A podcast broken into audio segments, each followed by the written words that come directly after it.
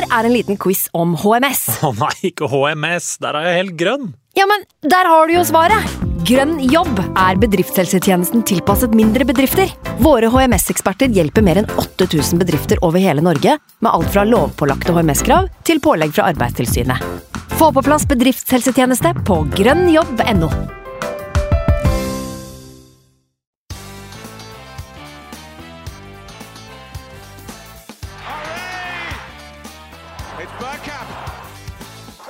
Now!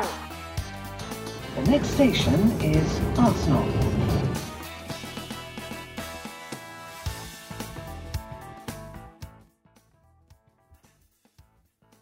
Oh, ja, sk skulle jeg si noe nå?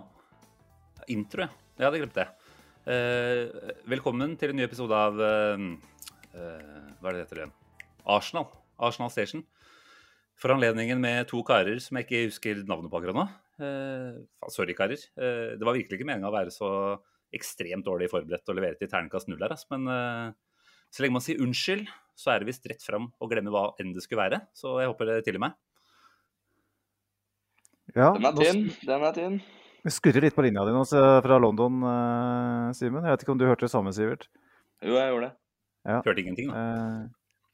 Jeg hørte at du glemte hvem vi var og sånn, så det skurrer flere steder, med andre ord. Men uh, Vi prøver. du Vi kan, prøver. Vi du kan bare prøve, prøve å prate litt mer.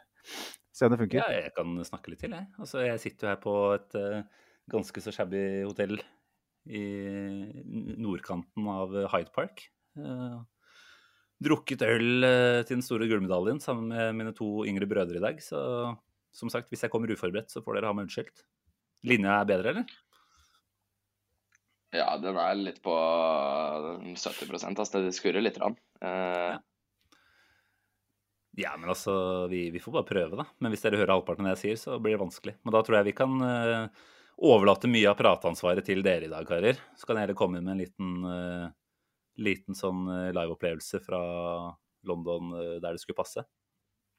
Ja, det tror jeg kan være smart hvis det er såpass mye skurr. Eh, og du har kanskje vært på både én og to puber i dag, så, og det har, ikke, det har ikke jeg i hvert fall. Eh, og Sivert han sitter og tripper, så han skal på flere puber i løpet av neste par døgna. Eh, stakkars småbarnsfar sitter her og biter i epler og bananer. Eh, men så, sånn er livet.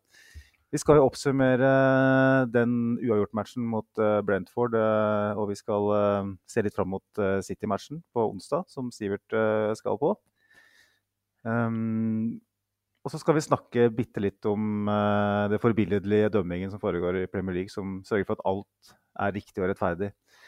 Um, men før den tid, karer, så kan vi kanskje kjøre litt Arsenal Norway-promo tenker yngstemann eh, Skarstein Eriksen jeg kan få den store æren i dag. du, tusen hjertelig takk. Uh, melde seg inn i Arsenal Norway burde være en smal og enkel sak å gjøre. 250 spenn. uh, I året, altså. Det er ikke noe månedlig greie. Det, det er 250 kroner, det er, det er seks øl. Det er ingenting. Da får du The Gunners Post, enten elektronisk eller eh, postalt. Du får eh, rabatt på uh, fotballbutikk.no, og du får uh, muligheten til å være med i Norges beste sportsklubb. Sånn, den sitter. Sitter som et skudd. Og hvis du har fått den nyeste utgaven av The Gunners Post, eh, den ble postlagt nå i slutten av den eh, uka som gikk, så vil du se tre animerte karer eh, et sted inne i bladet. Um, drar kanskje kjensel på dem. Eh, det er altså de tre undertegnede. Endelig har vi fått en uh, helside i Gunners Post, og håper jo at det kan smitte over på de som ikke er så bevandra i podkastverdenen, som sitter og blar i bladet. Uh, så og på bakerste sida kan du se tegninger fra dattera mi, så jeg er veldig tungt representert i, uh, i det bladet her. Men uh, da regner jeg med at alle har eh, tatt det budskapet, og så ser, ser vi kanskje tilbake til Brentford-matchen. Det er mye å ta tak i her, og Simen var jo til stede. Eh, Først så syns jeg kanskje vi bare skal starte med et godt gammelt bitte lite reisebrev fra hvordan eh, dagen var. Gjøre et forsøk, da. Jeg vet ikke om dere hører meg noe bedre nå, jeg. Nå er det bra, ass. Ja, vi kan jo prøve på det. Altså, var jo, som jeg sa, eller skrev på Twitter, det var jo en drømmedag den lørdagen. Trenger ikke å ta med hele reisa, for det er så spennende har det ikke vært når du reiser på tur med brutter'n som akkurat fyller 15. Eh, prøve litt, men ikke noe mer. Så det har vært en rolig og fin eh, reise, dette her. Men eh, lørdagen, da var det tidlig opp. Så var det Stadium Tour på Emirates. Som jeg aldri har vært på før, faktisk. Så syns jo det var på, på tide. Men jeg må vel si at jeg faktisk anbefaler folk å, å legge de besøkene til eh, en dag utenom kampdag. Da får du tilgang på litt flere steder inne på Emirates. Altså både garderober og pitchside var jo off limit eh, for oss, da. Så da ble det ikke så spennende som man kanskje hadde håpa på. Men ålreit uansett. Eh, obligatorisk runde i Islington-området. Opp til Library. Suge inn litt eh, burgerduft og se på litt gode, nostalgiske fasader der oppe. Og så var vi på Vi prøvde oss på Tollington. Det gikk ikke så bra. Der var det også knallhard tilbakemelding på at alle under 18 pent må snu i døra. Så med god hjelp fra Sivert, og Magnus for så vidt, så landa vi til slutt på The Famous Cock. Hvor en uh, god kar hadde, hadde noen billetter å avse også, så da, da ble det jo faktisk kamp, da. Kan ikke si at vi var uh, bekymra, men uh, klart at man hører jo stadig vekk om at det er litt grann vanskeligere nå med så mye pågang og billetter som omsettes på diverse svartebørser på litt, litt ulike måter. Så selv om jeg ikke hadde veldig høye skuldre, så lurte jeg litt på åssen det skulle gå den gangen her, da, men det gikk eh, som smurt. Og så var det en kamp som rett og slett var eh, Altså sånn stemningsmessig. Vi satt nede på krysset mellom Eller svingen mellom Northbank og Eastend, eh, alle tre. Og det var Det er jo en drøm å stå der nede og rett og slett kunne stå hele matchen, være med å synge. Føle hele atmosfæren på kroppen. Og skal vel ikke skryte kampen opp i skyene. Eh, dere har sikkert sett den fra et litt bedre perspektiv enn det jeg har. Jeg har ikke sett den i reprise eller noe. Men eh, jeg ser at det heves på øyebrynene her. Er det dårlig linje, eller? Nei, det var matchen vi tenkte på. Ja, ja, greit. Ja, match, matchen, var gru, matchen var grusom. Ja. Nei da, men, eh, men det er klart når det Vi kan jo komme tilbake til det underveis, men, eh, men når det kommer inn en lederskåring etter eh, ja, midtveis i andre der, da tok det helt av. Og da Mm. var det Du kan liksom ikke drømme om noe bedre sted å være enn eh, på Emirates i sånne øyeblikk.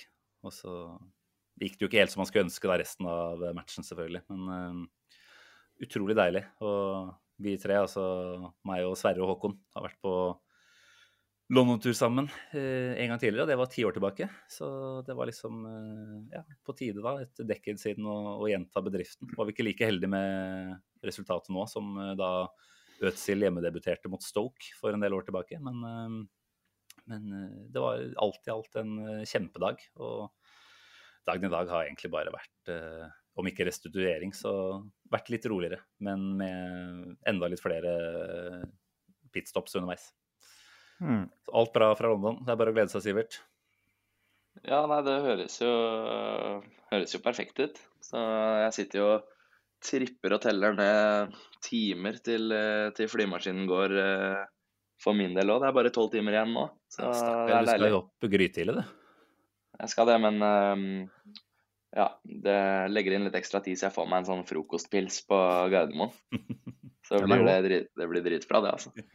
2, to ganger 06 jeg pleier jeg å kjøre fra Gardermoen. Da bare- er jeg perfekt uh, i, i form til flyet. Da kan jeg sove Kan- på flyet. Så ja, det, dere er så jævlig heldige. Ja, altså Kan vi bare bli enige med en gang om at det eneste stedet det er lov til å drikke både uh, pils og, og ja, hold det på pils da, før klokka tolv, det er på en flyplass. For det er helt, det er helt lov, selvfølgelig. Det er dumt å ikke drikke. Jeg, jeg himler med øya til de som ikke gjør det. Jeg lurer på hva, hva driver dere med? Det blir bra. Altså, nei, jeg skal jo over med, med dama og uh, min beste kompis. Vært kompiser i eh, alle år. Han er Arsenal-fan. Det blir dritbra. Men uh, kan jo ikke tenke på det nå. Jeg er jo fortsatt sur etter Brentford, så vi må jo stoppe der først. Ja. Vi Litt å ta tak i. Det er en eh, litt tung oppgave å skulle oppsummere den matchen. eh. og det er vel egentlig sånn, gutter, at eh, etter at kampen var over i går, så var, var vi vel ganske lynings. Men det gikk over eh, ganske kjapt, syns jeg. Men Nei, jeg, når, jeg når det begynte å tikke inn eh, bare, bare for fullføre, når det begynte Sorry. å tikke inn bilder av den eh, offsiden, eh, så kjente jeg på et ubehag. Og når jeg våkna i dag tidlig til artikler om at, at PGMOL innrømmer at de hadde glemt å sjekke offsiden, da, ble, da gikk det fra å bli et ta, en uavgjort til et tap. Jeg er enig. Jeg er enig. Uh, min take på det her er at Arsenal var fabelaktig dårlig. Saliba vinner f.eks. 0 av 10 dueller i lufta mot Tony. Den skåringa til Mbuemo burde jo aldri blitt avblåst. Det er jo alle, det er altså, Å få frispark imot der er jo Det er veldig heldig. Så altså, men det, skjønner, det skjønner, den, den ballen hadde jo ikke blitt så lite utfordra hvis, eh, hvis den avblåsninga hadde ikke skjedd.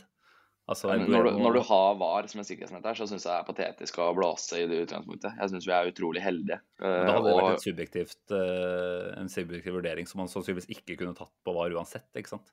Jeg syns den er helt grei. Det var en shirtpull. Det er frispark i situasjonen rett etterpå, når Mbuemo tar Gabriel. Så han blåser for tidlig, kan du si, men situasjonen som skjer da ett sekund senere, er frispark. Så um, må legge Dere litt på føler dere snytt for tre poeng her, altså? Nei. Ja, ja, ja. Det var, det var en veldig dårlig dag på jobben. Så jeg, Altså Ja, ja, det er én ting, men også vi eh, Jeg føler ikke at vi kan eh, si at vi har vært heldige med dommeren i den kampen her, hvis det er det som er eh, vinkelen. Det er mulig Nei, det å er- skille, skille disse to tingene, rett og slett. Da, og si at eh, du på en måte Altså, den første omgangen her, vi skulle ligge under i hvert fall med to. Eller sannsynligvis med to. Altså, de har en gigasjanse Er det vel Rico Henry, og så er det jo skuddet til Tony Tverre. Og da Mm. tenker jeg at når vi går inn til pause med 0-0, så er vi jo sjeleglade. Men så kan du selvfølgelig si at det er så god Brentford der, da. De har en venstreback som kommer opp der, og han er ikke nødvendigvis like god på avslutninger som eh, en Mbuemo ville vært.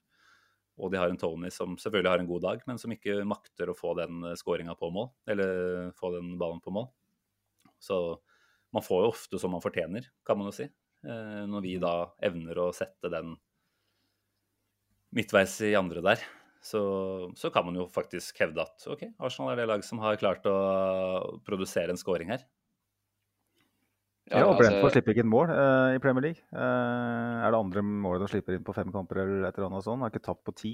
Uh, har slått City, har slått Liverpool, har spilt uavgjort mot Tottenham. Altså slått United 4-0. Eh, dette er et Basert på ressurser så er Brentford sannsynligvis det best trente laget, eller best coacha laget i Premier League. Mm. Dette er en kjempevanskelig match. Og Arsenal spiller på ingen måte en god match, men når man da klarer å vaske frem den sjansen, og, det, og Saka som står opp, eh, vil jeg si, som en ener eh, i det øyeblikket og slår det innlegget, så eh, perfekt både på vekting og på timing og på presisjon, da viser Arsenal at vi er et lag som vinner på sånne dager. Og så blir vi da rett og slett frarøva eh, to poeng av en eh, inkompetent eh, jævel. Ja, altså jeg er enig. Taken min er ikke at, uh, at vi ikke ble snytt, og at uh, det er helt patetisk at de ikke klarer å sjekke situasjonen når de bruker to minutter på det. Poenget mitt er at det var en, Altså, det var og, Altså, ett poeng mot eh, Brentford uh, på en dag de er påskrudd, er ikke så dårlig. Det er jo Everton som er arbeidsuhell her, og så kommer de rett etter hverandre. Mm. Det er det som var poenget mitt, bare. Og vi husker jo at City tapte mot dette laget her for ikke så veldig mange runder tilbake. Selv om det er en god stund siden, sånn sett. da. Altså det Brentford-laget her jeg vet ikke, Er det man City skal dit fortsatt, skal det ikke det? For Siste eksempel. serierunde. Ja, ikke sant. Vi siste serierunde, så eh, Satt på når, vi står, eh, plass, da. når jeg og Sivert står på Emirates der da, så eh, spiller City borte mot Brentford. Mm. Så det er, det er lov, å, lov å drømme om at eh, Thomas Frank har et S i ermet her. Men la oss ikke tenke så jævlig langt fram i tid. Eh, nå er det Brentford vi, vi snakker om, og um, inngangen på. Ja, du, Ja. hva sa du, Simen? Jeg skulle bare si at som sagt, det er mulig å se det på to måter, men vi kan ikke komme unna at det vi holder på med fra start, og det var liksom det som jeg var omgitt av, i hvert fall, det var folk som ropte 'wake the fuck up'. ikke sant? Altså, Vi var ikke med fra starten. Uh, igjen, jeg så det ikke i et fugleperspektiv og klarte liksom ikke å ha oversikten sånn sett, men vi virka hemma, rett og slett. Uh, det virka som det var et lag da, som, som jeg sikkert eh, har skrevet til dere òg, tenker litt for mye nå og vet at det står ekstremt mye på spill.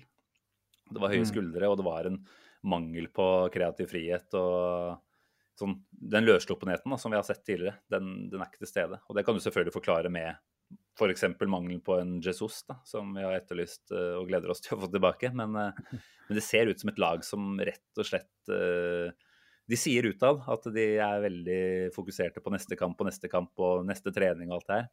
Og det er de sikkert, men det har sneket seg inn en visshet om at de kjemper om noe ekstremt stort den sesongen her. Det syns jeg mm. man ser preg av, altså. Jeg syns vi ser litt de samme grepene i, i, offentligheten som vi gjorde etter de tre tapene i starten av fjorårssesongen. Når Ariteta var ute og sa at eh, foran Norwich-kampen på hjemme, eh, så sa vel han at dette er den beste uka jeg har hatt på feltet noensinne. sa han da. og så møter vi på Norwich og spiller en ganske svak match. Men Smith-Roe skårer vel ene målet som gjør at vi vinner 1-0 i, i, den matchen. Eh, krangler med oss tre poeng i den kampen, og da våkner vi.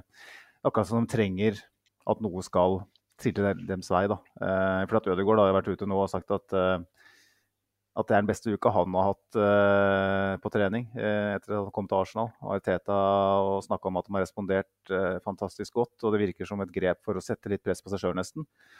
men det kan nok hende, som du sier, Simen, at ja, det vi, det vi, ser er en, en, gjeng med litt høye skuldre. Og det er et forsøk nå på å uh, slappe seg selv litt i ansiktet med en uh, bløt hanske. For å prøve å komme seg i, i gang. Og så, så, har man ikke Så klarte man egentlig ikke det i, i går, da. Så, målet til Trossard kunne vært det øyeblikket, men så mm. ble det ikke sånn.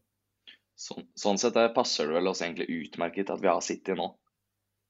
Uh, en sånn skikkelig, skikkelig test. En storkampeboost og i egentlig en, de to eneste kampene i sesongen vi på en måte ikke har noe å tape, er jo hjemme og borte mot City.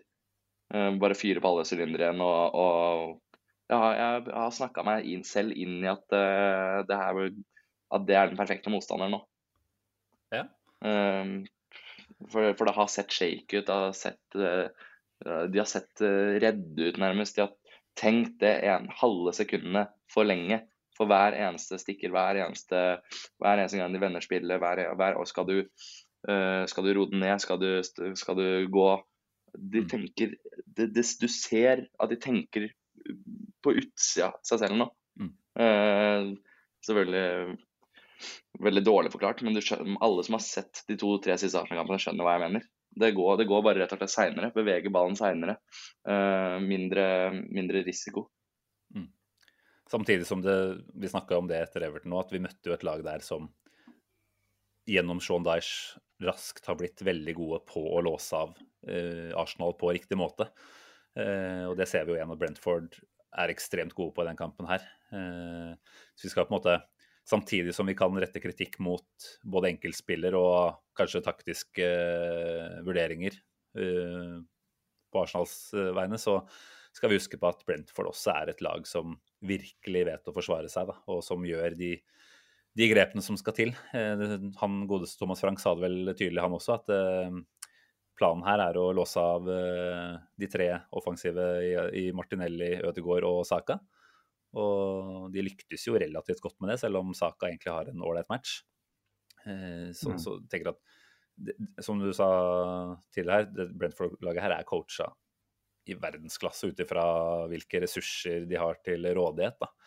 Eh, gått ubeseira i Premier League mot all den toppmotstanden som man har møtt der i så lang tid. Da, da er det forbi tilfeldigheter. Da veit de 100% hva de holder på med. Så det er kjipt at de kommer etter hverandre, disse her. Eh, men sant, ser vi tilbake og tenker at dette er, dette er den lille duppen, eh, da, er vi, da, er vi, greit forbi. Men City på onsdag, det er perfekt det, hvis vi vinner. Og så er det forferdelig kjipt hvis vi taper. Åpenbart. ja. Det er jo eh, lett å være etterpåklok eh, når vi kommer til torsdag og ser tilbake og sier at eh, det her var wake-up-callen vi trengte, eller mot, i motsatt tilfelle. Det her var uh, akkurat det vi ikke trengte. Nå kom, går vi i den kampen der med uh, i en, en, dupp, mens City da får en, en, en klar seier på hjemme i dag og en, reaksjon etter alt som har foregått der. Um, så utrolig vanskelig å spekulere i hva det her egentlig er, uh, enda òg. Jeg tror vi, tror vi kan si at vi har møtt to veldig godt drilla uh, lag med, som spiller på en måte som passer oss veldig dårlig. Eh, vi kommer til å møte ganske mange motstandere, deriblant City, som jeg tror vi har mye bedre forutsetninger for å eh, kunne skape mer mot. Eh, samtidig eh, Det er ikke sånn at Brentford lå i dyp blokk og bare tok imot sånn som Everton gjorde. På ingen måte, egentlig. De var bare ekstreme i omstilling. Uh, flere ganger hvor, uh, hvor, Brentford er høyt, uh, og hvor vi vinner ball, så er vi altså så elendig i offensiv omstilling. Og det er så utrolig rart å se på, for har, der har vi vært så gode. Det blir tatt flere touch. Blir, ballen blir spilt bak, den blir spilt for lang. Det er, det er Relasjonene sitter ikke. Det, det er, jeg syns det var nesten det mest påtagelige i den Brentford-kampen. at det, når vi har muligheten til å kontre, når vi har muligheten til å ta det med ubalanse, så klarer vi det ikke. Eh, ballen går for sakte. Eh, mm. hva som gjør det? Det er klart Brentford er veldig god på offensiv markering, så det, det er vanskelig. Men eh, det var vel bare én gang, syns jeg, i løpet av hele kampen at vi klarte å ta en kontring skikkelig, og det var rett etter at eh, vi skåra 1-0. Det var når Trossard ble spilt gjennom Ødegaard, ja. Eh, og han skjøt over. Eh, og da tenkte jeg åh, nå, nå har Brentford gjort to defensive bytter her. Eh, det er offensive bytter, og det første som skjer, er at vi får den kontringa. Og da tenkte jeg nå, nå tar vi det. Nå får vi en til. Og så er ikke sant? Og så eh, var det nettopp, nettopp, det, da. At vi ikke på noe tidspunkt klarte å, å ta det med ubalanse. Og når, når Brentford får lov til å komme i balanse, så jeg tror det er få lag i Premier League som skårer mer enn ett mål mot det Brentford-laget der, hvis den får ligge i balanse. Og Det er det vel ikke mange som har gjort heller. Uten at jeg har den lista foran meg, så virker det som om det er et lag som holder ganske tett i de fleste av matchene.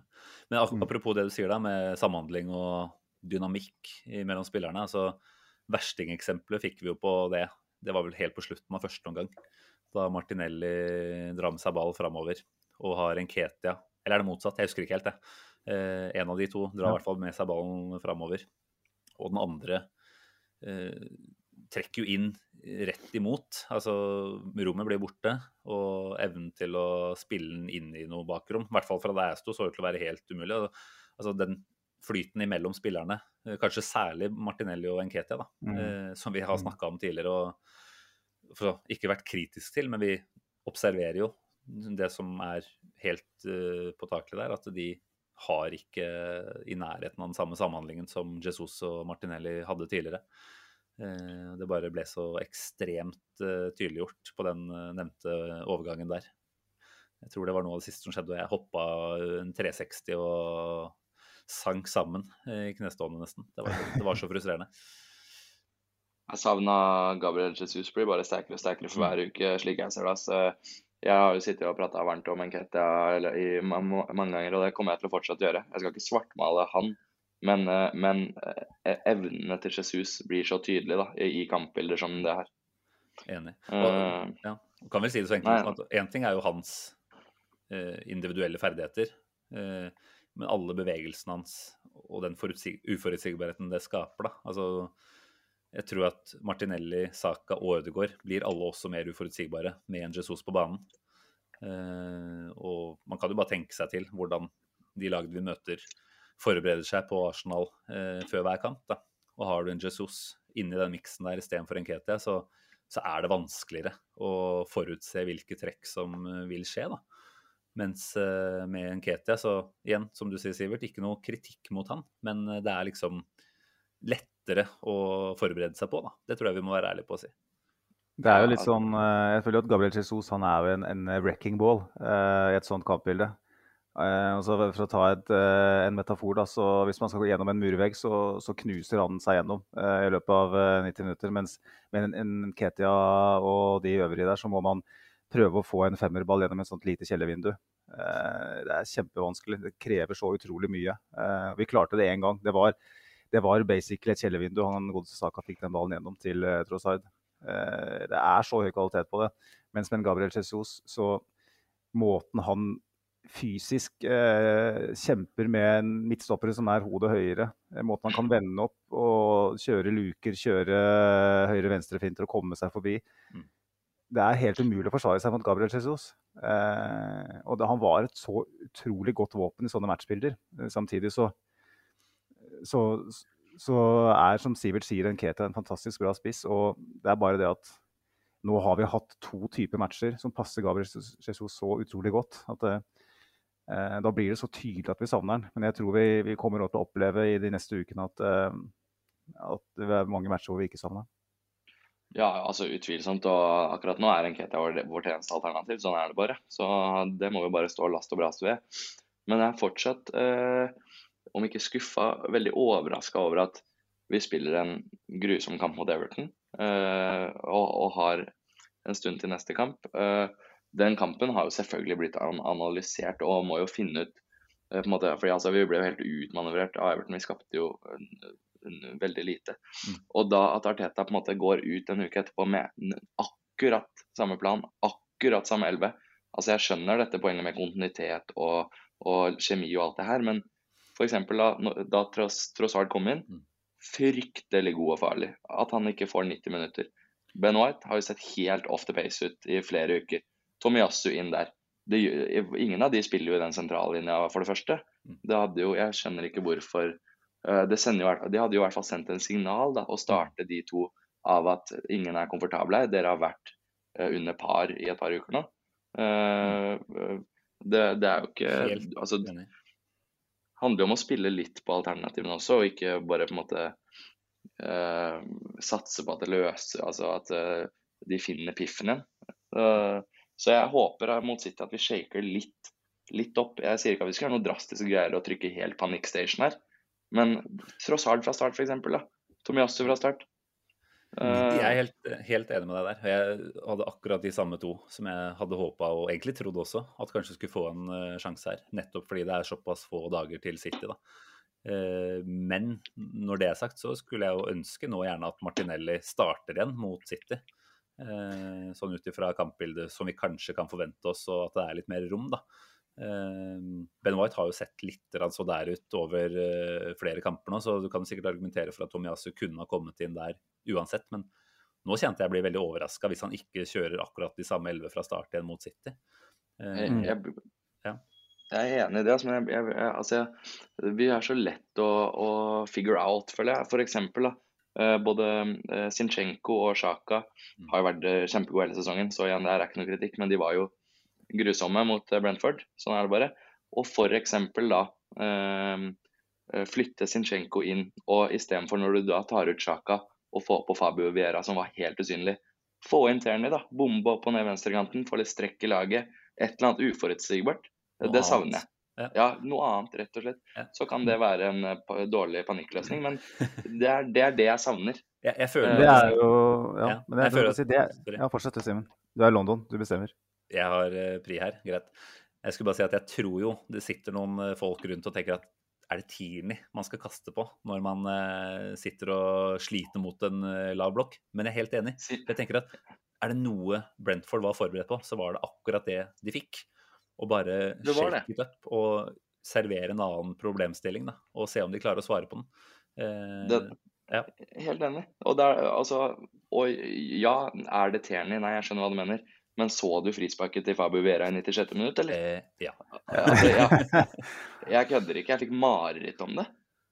Jeg våkna i natt, ja. Ja, nei, det, det var ille. Eh, men jeg, jeg, tenker at eh, det i seg selv er ikke et argument mot han, eh, syns jeg også. Men jeg, jeg, jeg, tenker jo det at et, et, lag som Arsenal, som tross alt er et veldig ungt lag, som ikke har så mye mer kvalitet enn alle andre Premier League. Dette er ikke et Invincibles-lag eh, hvor vi har sju-åtte verdensstjerner i elveren. Eh, dette er en gjeng med unge gutter som er på vei opp og fram.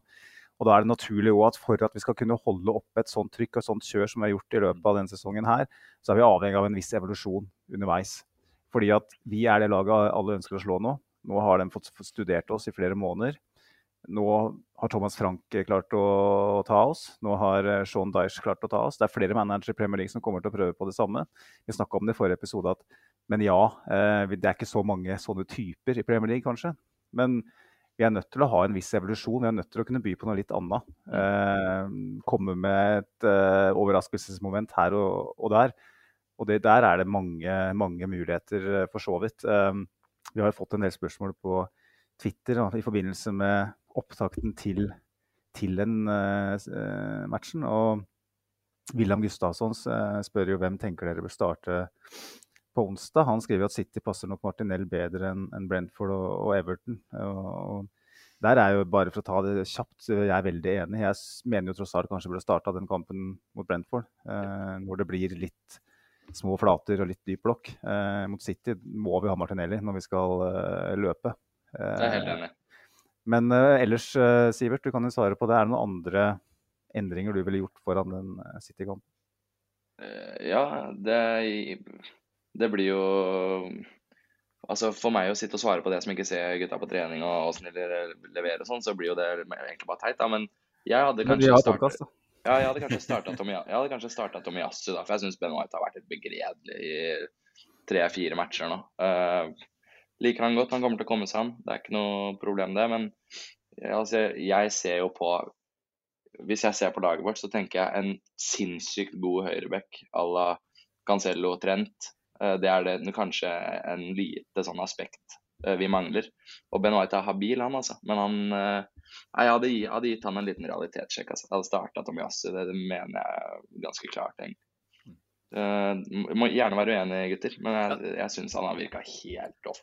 Ja, nei, jeg, jeg syns som sagt at disse byttene skulle ha skjedd til Brentford. Altså, jeg tror det er ganske viktig at det laget som er best mulig eh, innkjørt og sammensveisa, hvis man kan si det sånn, da, eh, bør starte mot City. Altså at jeg tror at Arteta kommer til å slippe løs de elleve han stoler mest på, og det er disse elleve. Det, det, det, liksom, det, er ikke noe tvil om. Men jeg er helt enig med den derre gi noen av disse gutta en opplevelse av at plassen er ikke så bombesikker som man kanskje får inntrykk av nå. da. Og den muligheten hadde vi nå mot Brentford. Og som du sier, Sivert, altså, at vi skal sitte her og nesten kritisere Arteta, som åpenbart har full kontroll, som ser disse gutta hele tida. Alt, alt, dette her. Det skal vi jo på en måte passe oss for. Men sett utenfra, da. Eh, med alle sånne psykologiske faktorer som vi ikke kjenner til og sånt, eh, litt på avstand, så, så syns jeg likevel at her brukte man ikke den muligheten man hadde til å til å ja, rett og slett shake opp litt og, og skape litt mer eh, Det er ikke komfortsonen gutta er inne i, tror jeg. Men, eh, men, bare rett og slett riste litt liv i en gjeng som uh, har gått litt i Bitte litt i den blindgata nå. Altså, igjen, det er én kamp mot Everton. Mot City borte så, så var jo halvparten av førsteelveren på benk omtrent, var det ikke det? Så mm. nei da. Det, jeg hører jo at jo mer man prater, jo mer bør man egentlig bare fortelle seg selv at man skal holde kjeft. Dette her har Arteta kontroll på. Men, uh... Vi, kan ikke, vi, kan ikke, holde kjeft uh, vi, hvis vi skal ha lyttere til den podkasten. Jeg tenker at vi, vi har uh, sagt mye på den podkasten som har vist seg å være pølsevev og det som verre er. Og vi har sagt ting som faktisk viste seg i ettertid å ha en viss fornuft, bl.a. sånn som Simen sa, at Liverpool kommer til å kollapse. Men et spørsmål til fra en lytter. Mm. Litt videre på det vi akkurat har snakket om. Eh, e. Skjellerud på Twitter han spør har vi blitt avslørt. Ligge lavt og doble opp på vingene og ta ut Ødegaard. Dødball imot var vi jo hinsides gode på for nyttår, men nå sliter vi. Um, er det noe i det han eh, skriver der? Ja, jeg mener at det er det. Og jeg mener at det går nøyaktig på det du sa i stad, at du må utvikle spillet ditt i løpet av en sesong. En sesong er så ekstremt eh, ekstremt lang og kompleks at du kan ikke mm, vi, vi, jeg, Nå vet jeg at gutta ikke hviler på laurbæret akkurat, men du må, du, må, du må, finne nye måter å ordne deg på. Og jeg ser heller ingen klar plan B, eh, plan C, sånn i kamp heller. Eh, så et eller annet der, ligger du i det. Eh, men det, jeg vet ikke om du, Magnus, vet mer om Eller er enig? Um, jo, altså jeg, jeg syns jo at vi ser litt av det samme fra Arteta som vi har sett før. Um, det er en svakhet han har hatt tidligere òg, at han, uh, han bruker litt lang tid på å finne opp kruttet på nytt. Uh, vi har sett det uh, både i fjor og, og året før at vi har hatt gode perioder, og så har vi gått på en liten vegg, og så har vi brukt ganske lang tid på å finne ut av det. og når det gjelder underveis i matcher òg, så vet vi jo at at visse matchspillere så har vi slitt med å, å, snu. Samtidig så er det nettopp det vi har klart denne sesongen her. da. Så utrolig godt. Um, det er som vi har snudd er det tre hjemmekamper vi har snudd allerede denne sesongen. her, Vi har kommet under. Uh, det har liksom vært så utypisk Arsenal, alt det vi har sett. Eh, Det høres jo nesten ut som kritikk, men eh, det er jo ikke det. Det er bare det at vi har klart å, å, å vende noen hjørner som vi kanskje trodde vi ikke var i stand til. Eh, men Og så er det det med å bruke stallen, som dere var inne på. Eh, Det å, det å tørre å gi tillit til spillere som ikke har eh, spilt noen særlig rolle. For at i fjor så er min soleklare påstand at det var ikke fysisk utmattelse de spillerne led av, det var psykisk utmattelse. Man gikk ut på St. James' Park og var rett og slett livredde. Eh, fordi man var, man var sliten. Det var mye skader og alt sånn. Jeg er enig i det. Men jeg er jo redd for at eh, hvis man ikke har de spillerne klare Hvis en Fabio Vieira og en Tomiyasu og en, eh, en Trossard Mm. aldri liksom får mer enn 20 minutter her og der, eh, så vil det bli jævlig tøft når den plutselig skal inn og spille en bortekamp mot Newcastle i, i april. Eh, nå har vi Europaligaen, heldigvis, sånn sett, i år kontra i fjor. Men jeg, jeg tror at Teta kanskje må bli flinkere og modigere når det gjelder å bruke spillerne sine. syns det høres fornuftig ut. Og du sa om at vi måtte ha snudd kamper tidligere denne sesongen her og blitt flinkere på det, det er jo helt sant. Men Mm. Har vi egentlig snudd kampbildene? Altså, ja, vi har ligget under, og det har for så vidt vært en viss eh, si, motstand i, i, i det i seg selv. Men altså, de kampbildene vi har sett mot Everton og Brentford nå, det er jo helt tydelige bilder som vi ikke har greid å snu. Eh, de har på en måte vedvart kampen igjennom. altså selv Brentford, og selv om vi tar ledelsen, så vi beholder den i kort tid. Da, og da, da er det egentlig det samme kampbildet nesten hele veien. Med unntak av denne kontringsmuligheten som vi ikke eh, utnytter. Men altså hjemme mot Fulham, hjemme mot Aston Villa. Det er jo kampbilder som ikke nødvendigvis så slik ut hele veien. Det var, så vidt jeg husker, åpnere kamper.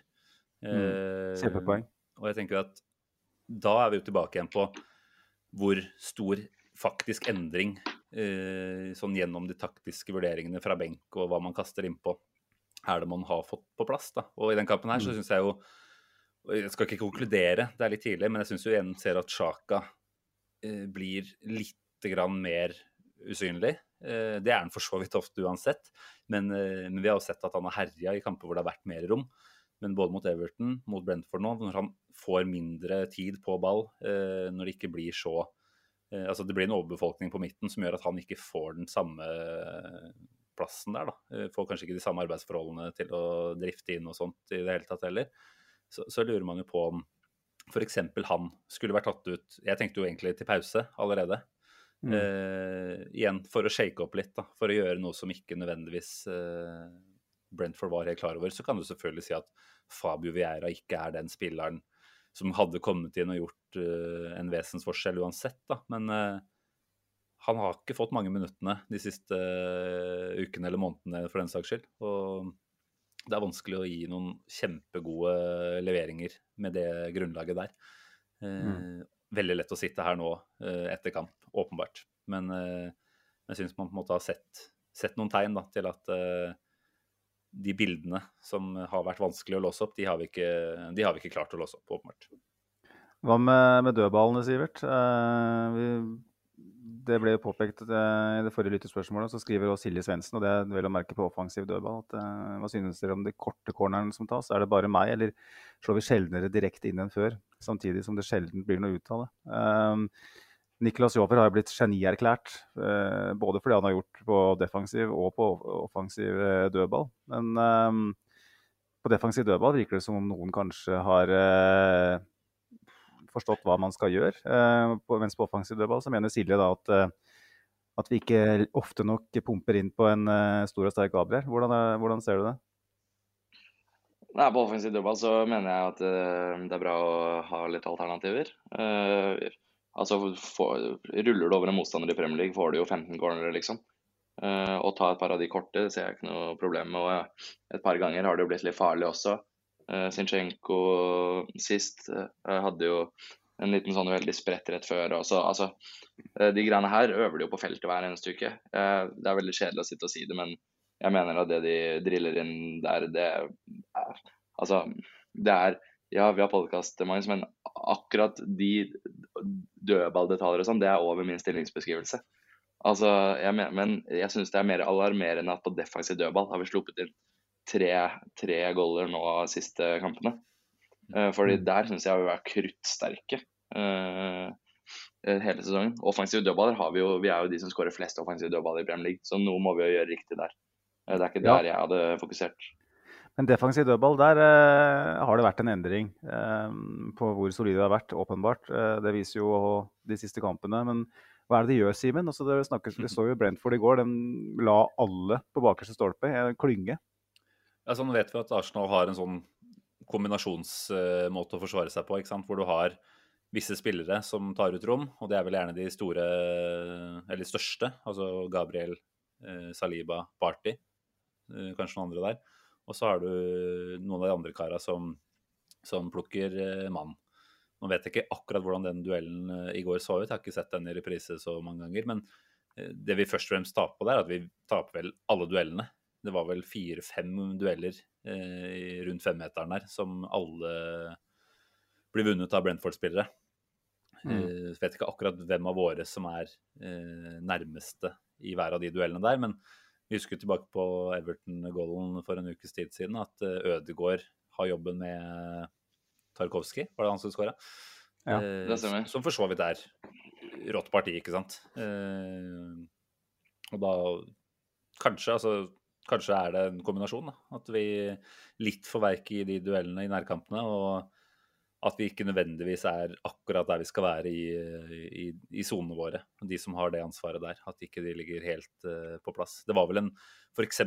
på Tarkovskijsken igjen, så var det vel en uh, blokk av enten Gabriel eller Saliba.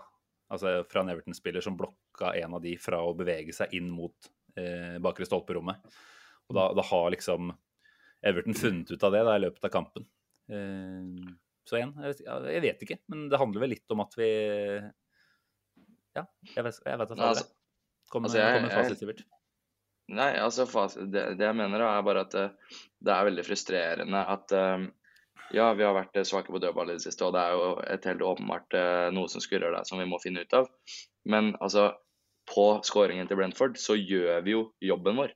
Altså, ja, vi taper et par 50-50 dueller inne i boksen, men Nørgaard er jo offside. Eh, liksom. Altså, eh, vi, vi, vi spiller jo Vi setter jo Nørgaard ut av spillet, egentlig. Og altså, skal, det var jo som Arteta sa på pressekonferansen.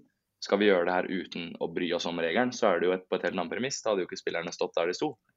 Altså, det er det, det, er det, som, det er det som irriterer meg. Ja, Mm. marginene går imot, og vi taper flere dueller inne i boksen. Gjerne si at det er dårlig av han og han og han, og det er det jo. Men når det kommer til stykket, så er Nørgaard offside. Og da skal jo ikke målet stå uansett. Mm. Uh, så altså det, det irriterer meg faktisk ganske ofte når jeg ser på fotball.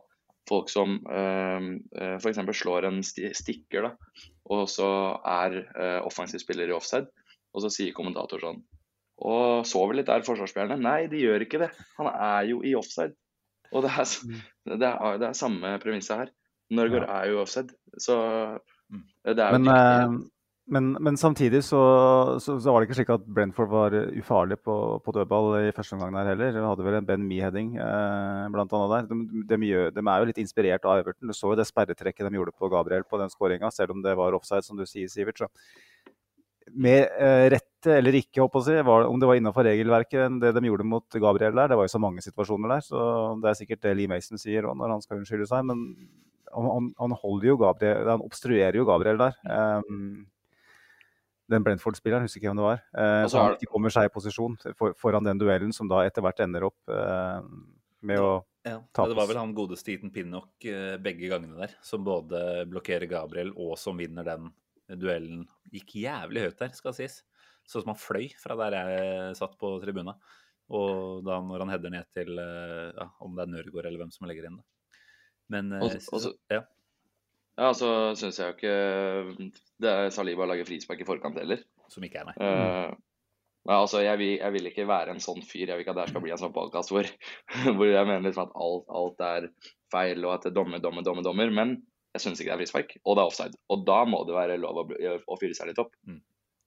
Ja, jeg er helt enig med deg. Det er uh, ikke et frispark. Uh, det er to som holder like mye. Men eh, det er igjen så kan vi ikke regne med at VAR går inn og eh, griper Eller VAR skal jo heller ikke gripe inn åpenbart i en sånn situasjon, og det ønsker vi ikke. Så frisparket ble gitt. og Eh, som Sivert, du er inne på, Sivert. Det, vi gjorde jobben vår, men ble straffa. Eh, før vi eh, snakker Lee Mason, så har jeg bare lyst til å ta en eh, tanke som jeg har gått og spinna på nå den siste uka. Eh, Sivert og jeg hadde en liten utveksling på Messenger i går om det her temaet. Um, nå skal det jo sies at Saka sto, reiste seg og, som den store spilleren han er, og, og skapte den skåringa for uh, Trossard. Men nå har vi sett, vi, har vi, sett uh, vi spiller hjemme mot Newcastle uten å få den skåringa. Vi har sett uh, den Bredford-kampen der hvor vi ikke klarer å gjøre nok til å vinne. Um, kan diskuteres.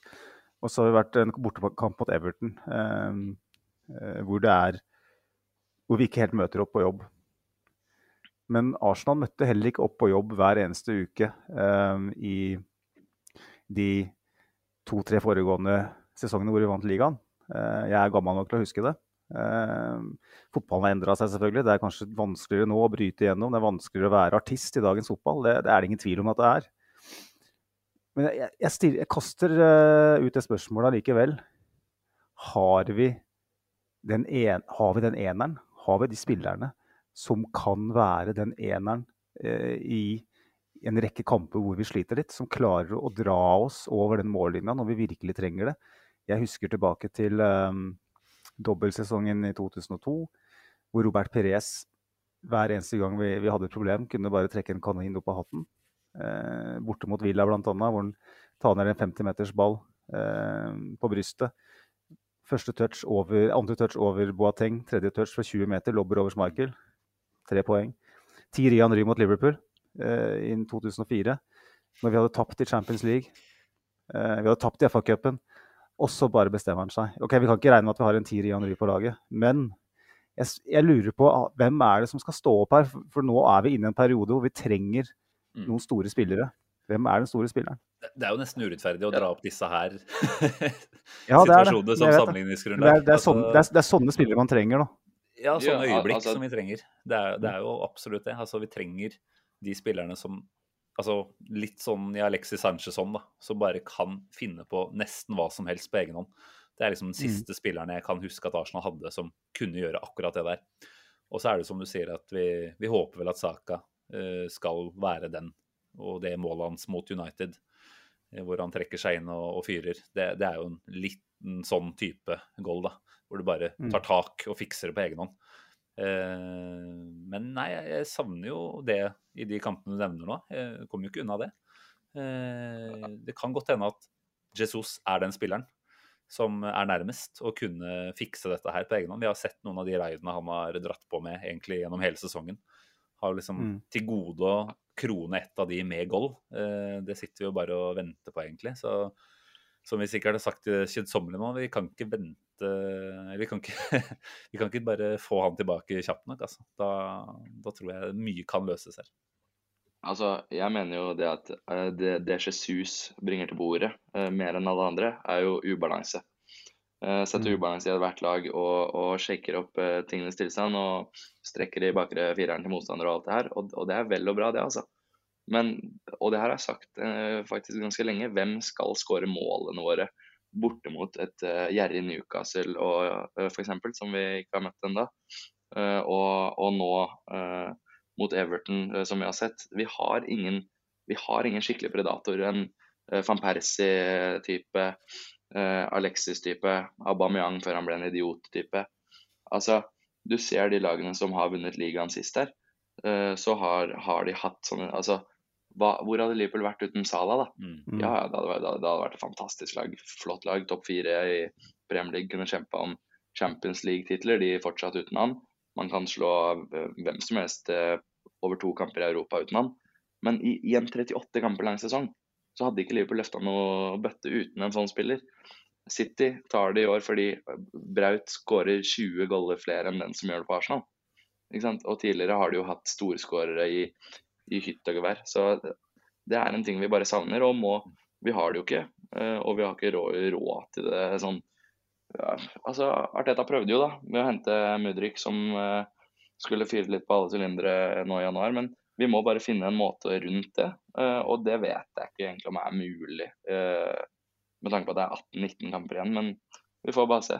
Vi er jo avhengig av at kollektivet kommer seg på skinnet igjen og, og, gjør det vi gjorde i første halvdel av sesongen. Og jeg ser på det som usannsynlig at vi skal komme helt dit igjen. Jeg tror vi er avhengig av at en eller annen spiller står opp, virkelig står opp og, og blir den, den, legenden, da, for å kalle det det, hvis vi skulle gå hele veien. Og da, da er det kun Saka jeg ser på som har den X-faktoren. Og så tenker jeg som dere at Gabriel Jesus kan bare ved sin tilstedeværelse skape nok ubalanse til å gjøre de andre rundt seg gode nok. Eh, det er jo et lagspill. og så Eh, for å gå tilbake igjen, så ville jo ikke Henry vært like god uten Perez, og Perez ville ikke vært like god uten Henry og alt det der. Men det blir, eh, det blir spennende å se hvordan vi takler, som du sier, Sivert, de bortekampene når vi trenger at noen er den eneren.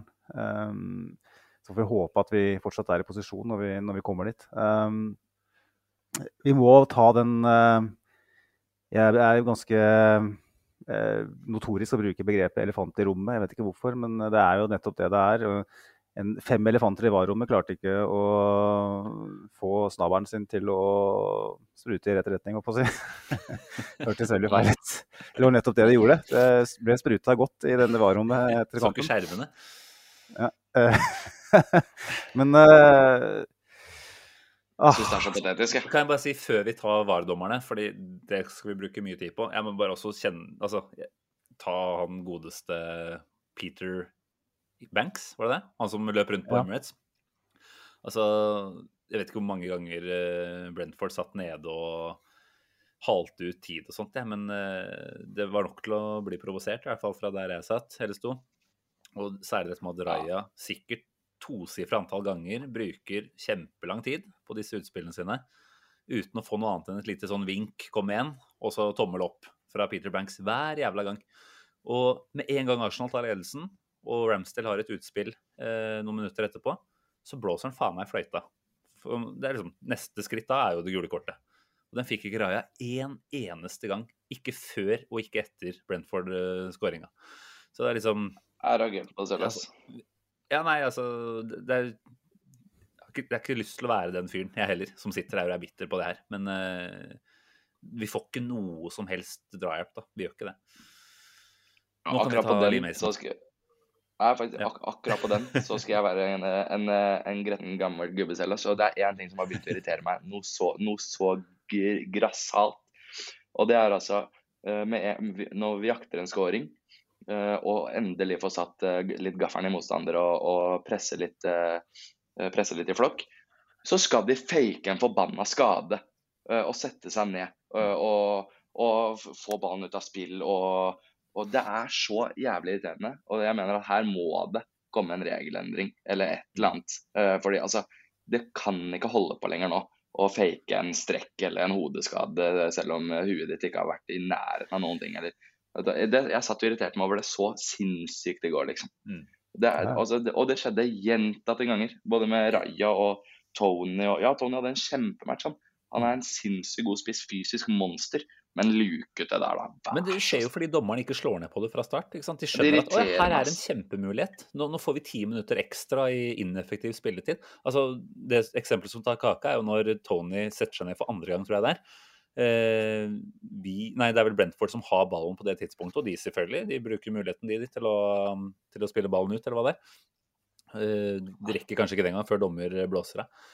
Eh, da skal jo selvfølgelig Tony ut, fordi han har fått behandling. Dommer slipper ballen ned i beina på Raja, som setter i gang, og i akkurat samme øyeblikk så vinker han Tony inn igjen. Hva, hva faen er vitsen med å sende han ut da? Er ikke hele poenget at han faktisk da skal være ute av spill? I hvert fall noen sekunder, sånn at det ikke Altså, det lønner seg da, for Brentford hele veien mm. å holde på med det pisset de holder på med. Og jeg skjønner jo at de gjør det, for all del. Men det her gjør jo det gjør Arsenal òg. Ja da, for all del. Og, og, dette med å skape sånne situasjoner hvor man flokker seg rundt hverandre mot slutten når man har et resultat. Altså Arsenal gjør det samme.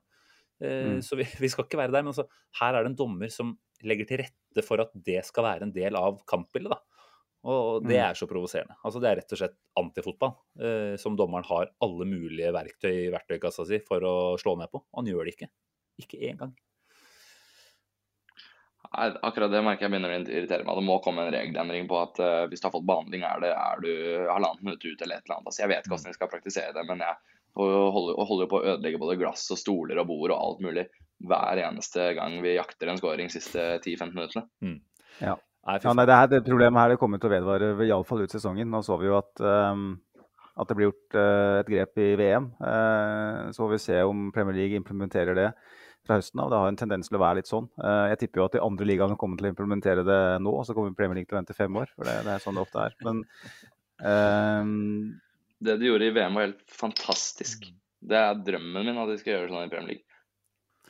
Ja, altså det Det er vel en våt drøm for oss alle. Eh, men eh, mens når vi snakker om eh, det å gjøre Hva skal jeg si, ja, endringer som beveger seg fra fortida i fotballen, så sitter jo det noen dinosaurer på, på varerommet.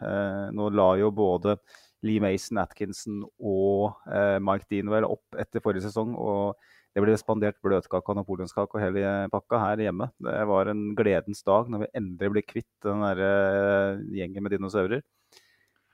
Så går det faen ikke mer enn noen uker, og så får vi høre at de skal sitte i varerommet hele denne sesongen her. Og nå har Lee Mason altså kosta oss potensielt fem poeng. Uh, først den feilen på Old Trafford når Martinelli blir, uh, siden scoring blir annullert etter um, uh, såkalt frispark på midten der, hvor FA, nei, jo, FA RPG og MHL går ut etterpå, eller si to måneder etterpå, og innrømmer at det var feil. Og så presterer de å sette inn samme fyr her også, i, i varerommet, som igjen gjør en feil. Og den her feilen her, og den på Old Trafford, den, den, den aksepterte jeg. For jeg tenkte at OK, fair enough. Det er en, du kan tolke den hit og dit. Men her glemmer fyren å gjøre jobben sin. Altså. Han glemmer det. Nei, Han glemmer det det. Altså. Jeg ser det konspireres litt om at han kanskje har gjort det med vilje. Eh, Det ville ikke vært veldig overraskende det heller. Han er, jo fra, han er jo fra Greater Manchester. Ja, men det er jo alle. Det er jo gjort med vilje. Hver jævla dommer ja, er er, herfra. jeg er helt overbevist om at det er gjort med vilje. Men altså, uansett, da. Enten så gjør han det med vilje, jeg tror ikke det, eller så glemmer han det. Gammal fyr. Uansett, da, så skal han være ferdig etter dette her. Altså, hvis du, ikke, hvis du ikke gjør den ene jobben du er satt til altså, liksom, som, Det har vært flerfoldige eksempler på Twitter. ikke sant? Dette må, Er du postmann, så går du og leverer posten i postkassa. Det er på det nivået. Altså, du glemmer du, kan, ikke du kan det. jo ikke bare gjøre halve jobben din. Altså, hvis, du drar hvis du drar til uh, tannlegen for å bore, og så bare gir han deg en sånn liten rotfylling, og så, sier jeg, og så, og så går du igjen. Eh, Det går, kan det. Sjekke, sjekke halve situasjonen. Da har i hvert fall tegna en halv strek, da, på en måte. Han må jo altså. Hadde du hatt alle andre jobber i, i hele næringslivet, så hadde du fått sparken. Men jeg, ser jo at det rapporteres om at uh, godeste Howard Webb, da, som er lovens lange arm og håndhever, får vi håpe at han er i dette tilfellet også, eh, har kalt inn til et møte nå til uka. Og at det allerede er noe skriverier om at det vurderes om Lee Mason har en framtid her. Og kan jo håpe da at det endelig er noe sånne tilstander som gjør at folk må stå til rette for feilene sine, som det ikke har vært, som du sier, eh, Magnus, på år og dag under Mike Riley. Men eh, jeg tror det faen ikke før jeg ser det heller. Tenk at Mike Riley hjemsøker oss eh, selv snart 20 år etter den der berømte matchen på Old Trafford. Men jeg, bare for å ta det med Lee Mason, så jeg tror det er inkompetanse. Ferdig snakka. Jeg kan ikke se for meg at han bevisst overser en offside. Det ville vært jævlig spesielt at han ønsker å bli stilt i offentlig gapestokk og bli latterliggjort pga. jobben sin, eh, bare fordi at han ønsker at en Manchester-klubb skal vinne ligaen. Det, den kjøper jeg rett og slett ikke. Jeg kjøper ikke det i det hele tatt. Jeg tror fyren altså Hvis du skal ta han på noe, eh, hvis du skal være konspiratorisk, så må det være det at han var ikke så jævlig ivrig på å lete etter en feil i en sånn situasjon. da. Eh, men han sjek, de sjekka jo én offside. De sjekka en mulig forseelse på Gabriel, sånn jeg forsto det. Eh, Mm. Men de sjek, det var, skjedde jævla mye. Men de brukte jo faen meg tre minutter òg, da. Det er jo det Da som er må, du jo sjekke, da må du jo sjekke alle mulige eh, vinkler. Da må du tegne alle streker. Og da tenker jeg at fyren var nok ikke bevisst eh, Bevisst eh, liggende med narkolepsi på jobb. Men åpenbart så er han ikke våken nok. Eh, og da er spørsmålet er han noen gang våken nok. Er dette en fyr som nå har, vært, eh, har fått gullklokka av kommunen etter 25 års tro og tjeneste? Som får en sånn der sparegris fra Sparebanken 1 og en nøkkelring for at han har vært kunde der i 30 år. Jeg tenker at jeg trenger ikke jobbe så jævlig mye derfor lenger, for jeg har jobb her uansett. Jeg har fast og trygg jobb, og når, og når jeg kommer hjem, så har kona satt over poteta, så da er det middag. Er det der vi er, liksom? Er det ikke, betyr det ikke nok for han? Det tror jeg vi Jeg kan tror si, vi si ganske tydelig. Altså, En av fordelene med å være i England, det er at man kan se Match of the Day uten å måtte logge seg inn på noe VPN og bruke dårlige streams. Eh, og der tror jeg de treffer spikeren på huet. Eh, det var vel Alan Shearer og Danny Murphy. Det er ikke ofte man kan si det om eh, i hvert fall Danny Murphy, men, eh, men eh, som konkluderer med at dette er en dommer som sannsynligvis bare får panikk, fordi han skjønner at han begynner å bruke jævlig lang tid på denne første avgjørelsen. Eh, og så tar han seg rett og slett Eller han, han mister oversikt, sannsynligvis. Eh, jeg kan kjøpe at det er noe sånt, da. At det rett og slett Nei. Nei, men altså Dette er altså og han er jo ikke alene om det. Det er jo noe vi har sett i mange tilfeller, eh, både på varrom og også på banen, for så vidt, eh, fra Premier League-dommere denne sesongen. Nei, Det er folk som rett og slett ikke takler det når det blir litt tett rundt øra. De mister hodet. Eh, Jeg kan, jeg, jeg kan kjøpe at det er det som har skjedd i det tilfellet her òg. Jeg kan kjøpe at én mister hodet, men altså det sitter jo Hvor mange dommere sitter i varerommet? Tre-fire? Altså, Fem, ja, fem, ikke sant. Altså hvis, hvis Si det er én hovedvardommer, for det er det jo, er det ikke det? Så vidt jeg har forstått det. Ja. Og så har du tre stykker som sitter rundt. Eh, Kall, eh, kall de håndlangere, da. Hvis du tar det til en annen bransje, så er du håndlangeren til en snekker, og alle kommer med samme planka. Ikke, én med skrue, ikke én med hammer. Altså, altså helt ærlig, ulike folk kan jo se ulike ting og snakke med hverandre, kommunisere litt. Mm. Det er jo helt patetisk dårlig. De, de kan jo gjøre det. Vi kunne håpe at de gjorde det, men det kan jo at Magnus har helt rett. At det er en gjeng som sitter der og bare venter på å gå av med pensjon, og egentlig ikke kunne brydd seg mindre. Det var jo tre situasjoner å se på der. Kan ikke én ta for seg én, én ta for seg én? Altså alle trenger, De trenger jo ikke sitte og Ja, ser du noe mer offside enn meg på den, eller?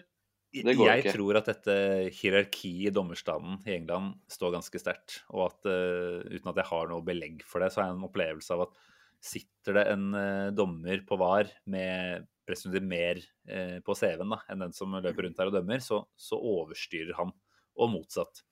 Jeg tipper at Lee Mason, som er en av dessverre da, de gamle ringrevene, sitter i det VAR-rommet og har fullstendig råderett over alt som skjer. Eh, kan gjerne finne ut hvem resten av den gjengen var, eh, men eh, jeg tror at der er det én fyr som sitter og bestemmer. Og så skulle man jo håpe at det var som du sa, Sivert, at det er folk som gjør, gjør han god, eller gjør han så god som mulig. Men jeg, jeg tviler nesten, altså. Nå klarte jeg å fyre meg opp igjen.